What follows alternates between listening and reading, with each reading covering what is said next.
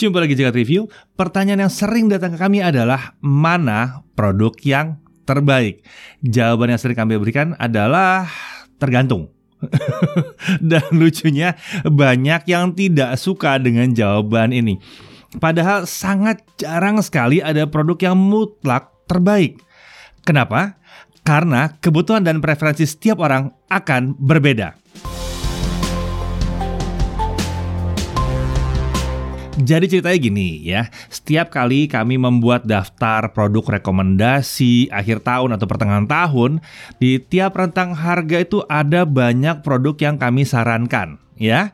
Dan eh, kami tidak pernah menyebutkan bahwa ada satu produk yang mutlak terbaik untuk semua orang. Karena memang tidak ada satu produk yang eh, untuk semua orang, nggak ada. Meskipun secara pribadi bisa aja satu produk ini yang bagi kami pribadi mutlak paling bagus, tapi buat orang lain belum tentu.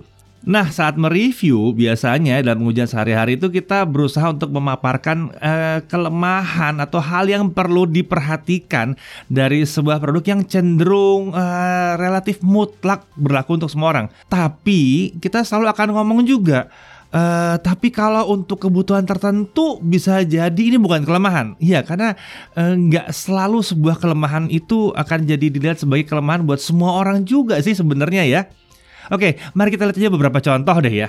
Nah, sebuah smartphone atau laptop yang murah dan kencang untuk gaming ya, tentunya akan sangat bagus dong. Untuk smartphone ini berarti SoC-nya atau chipsetnya kenceng untuk multitasking, untuk sosmed dan lainnya itu akan sangat baik tentunya ya. Dan untuk laptop kalau dia kencang buat gaming ini berarti dia juga bisa dipakai untuk content creation dan dan multitasking pasti enak ya. Tapi tapi harusnya kayaknya udah ini udah hebat lah, ini udah mutlak deh, ya no debat gitu ya. Tar dulu. Untuk orang tua yang anaknya sedang berada di tahap SD atau mungkin baru masuk SMP, ini bisa jadi hal yang mengerikan. ini sebelum protes ya, saya tahu bahwa setiap orang akan punya cara masing-masing uh, untuk menghadapi masalah ini ya. Saya personally saya pakai parental control ya. Yang sayangnya nggak semua orang bisa pakai atau nggak semua orang mempelajari itu. Apakah orang-orang ini salah nggak ngerti parental control? Enggak, enggak salah, enggak salah. Saya yakin enggak banyak juga di antara kalian yang benar-benar 100% paham bagaimana menggunakan parental control bukan? Ya. Nah, orang tua seperti ini akan cenderung mencari sebuah smartphone atau laptop yang lancar untuk kegiatan belajar mengajar tapi diupayakan yang nggak bisa gaming supaya nggak salah fokus anaknya. Ini berarti sebuah smartphone dengan SoC nanggung mungkin gitu ya Yang susah mainin Genshin Impact atau PUBG-nya nggak bisa mulus lancar Ini akan jadi pilihan yang baik buat mereka tapi kamera nggak boleh jelek, baterai nggak boleh jelek, penampilan bahkan mungkin nggak boleh jelek. Jadi pola pikir mereka akan berbeda di sini. Sementara itu untuk laptop yang nggak bisa gaming seperti uh, mungkin Pentium, yang pakai Celeron, yang pakai Athlon gitu ya, ini akan jadi menarik, sangat-sangat menarik. Atau sebuah laptop mungkin ya kalau sanggup beli mungkin laptop tipis yang um, harganya mungkin dekat ke 10 juta tapi nggak bisa gaming, ya kan ada ya yang buat kerja itu bisa juga. Itu akan jadi pilihan yang sangat-sangat menarik buat mereka.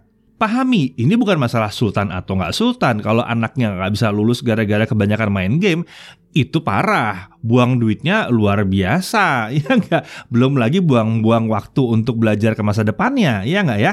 Nah, pahami bahwa kebutuhan kalian itu bukanlah kebutuhan semua orang. Jadi nggak ada produk yang mutlak terbaik. Uh, lalu mari kita lihat lagi konteks yang lain, konteks smartphone doang nih sekarang ya. Ada orang-orang yang butuhnya baterai dan sosial media doang, ya. Gaming bukan jadi hal yang penting buat mereka. Bahkan uh, mereka nggak mau main game banyak-banyak karena nggak mau banyak hanyut dalam gaming, mungkin. Wah, mungkin sekali-sekali main yang ringan-ringan aja. Ini banyak, ini banyak banget. SOC premium menjadi nggak penting-penting amat buat mereka. Baterai jadi hal yang utama. Kalau ditawarkan sebuah SOC premium atau flagship, begitu pakai mereka bisa kecewa. Kenapa? Karena baterainya nggak akan bisa tahan lama-lama banget, nggak akan setahan SOC yang mid dipadukan dengan baterai yang besar dan memang mungkin smartphone-nya dirancang untuk baterai yang tahan lama banget. Ya, bisa lihat di situ ya yang kalian suka wah ini pasti auto hebat belum tentu gitu Lalu untuk laptop, sebuah laptop dengan kemampuan gaming yang kencang itu tentunya juga bukan prioritas bagi uh, para pekerja yang membutuhkan laptopnya untuk bekerja. Yang hanya untuk bekerja aja, terutama kalau kerjaannya bukan yang uh, video editing, bukan CAD, bukan 3D gitu ya, bukan desain ya. Kalau kerjaan yang ngurusin uh, Excel, Word, menulis gitu, ini bukan kerjaan yang remeh loh. Ini pekerjaan-pekerjaan yang bisa menghasilkan duit gede juga. Jangan salah, ngetik doang. Wah, kalau ngetik skrip gimana? Iya kan? Nah, nah uh, mereka akan lihat layar, kenyamanan mengetik, baterai, ukuran, bobot, daya tahan itu akan jadi jauh lebih penting. Ini yang bikin saya agak bingung kalau ada yang yang tega-teganya komentar gitu, mending laptop gaming inilah ketimbang laptop ya tipis yang itu. Itu dua-duanya beda fungsi, hoi. ya. Nah, preferensi pribadi atau kebutuhan atau kesukaan pribadi ini layaknya dihormati. Karena saya yakin ada preferensi pribadi kalian yang spesifik untuk kalian sendiri aja. Itu loh yang kalian sering bilang uh, gini, uh, bodoh amat lah orang lain mau bilang apa. Saya sukanya ini ada kan? Ada nggak? Nah itu preferensi pribadi kalian sendiri. Dan bagi saya pribadi sering tanyain juga nih, kalau abang sendiri sukanya yang mana nih? Uh, sebut aja. Kalau smartphone sukanya yang mana? Saya jarang mau jawab karena uh, posisi saya dan preferensi saya itu mungkin agak unik.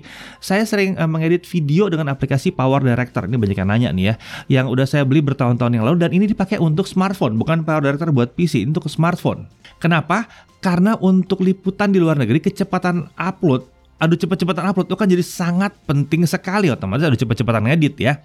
Nah, kebetulan nih sebelum tahun 2020 saat uh, acara luar negeri itu masih banyak, tim kami itu alhamdulillah gitu ya, sering dipercaya untuk meliput-liput acara-acara di luar sampai paspor sampai berjejer-jejer itu ya. Nah, jadinya di sini demi kecepatan, saya pribadi sukanya pakai smartphone dengan performa tinggi, kamera terbaik yang untuk video juga ya dan punya stylus atau kalau ya dalam hal saya saya pakai Samsung saya pakai S Pen gitu ya. Ini mempermudah editing langsung di smartphone. Nah, saya nggak pakai kamera untuk vlog karena itu akan lama proses uploadnya. Nih saya ingat saya kasih contoh satu ya. Uh, saya pernah buat interview dengan empat teman seperjalanan ke London waktu itu.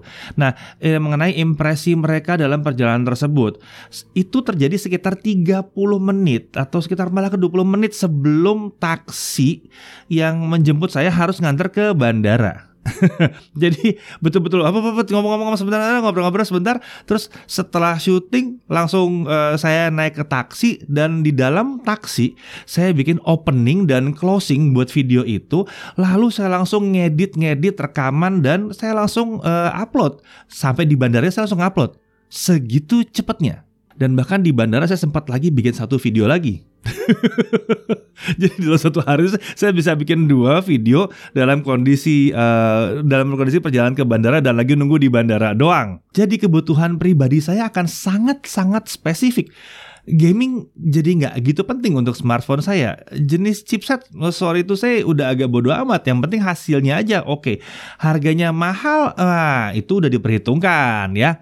Dibandingkan kalau saya bawa sebuah kamera dan laptop gaming atau laptop yang buat edit video yang kencang, yang ini akan membuat tentunya bawaan saya jadi berat dan nggak bisa ngedit uh, cepat di mana pun juga gitu ya.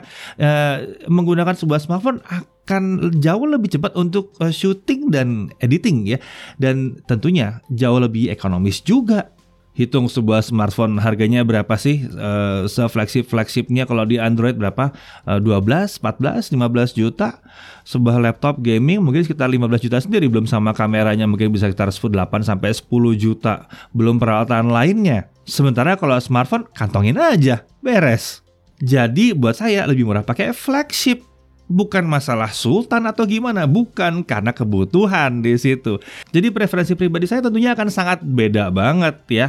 Nah kondisi ini membuat saya juga nggak butuh laptop yang uh, yang kencang-kencang buat gaming. Laptop saya performanya cukup yang oke okay aja, yang biasa-biasa aja, tipis, baterai tahan lama, uh, ringan buat dibawa-bawa, layar nyaman. Yang penting ngetiknya enak. Karena kalau buat saya mau ngetik script yang detail segala macam itu harus enak. Itu senjata pribadi saya.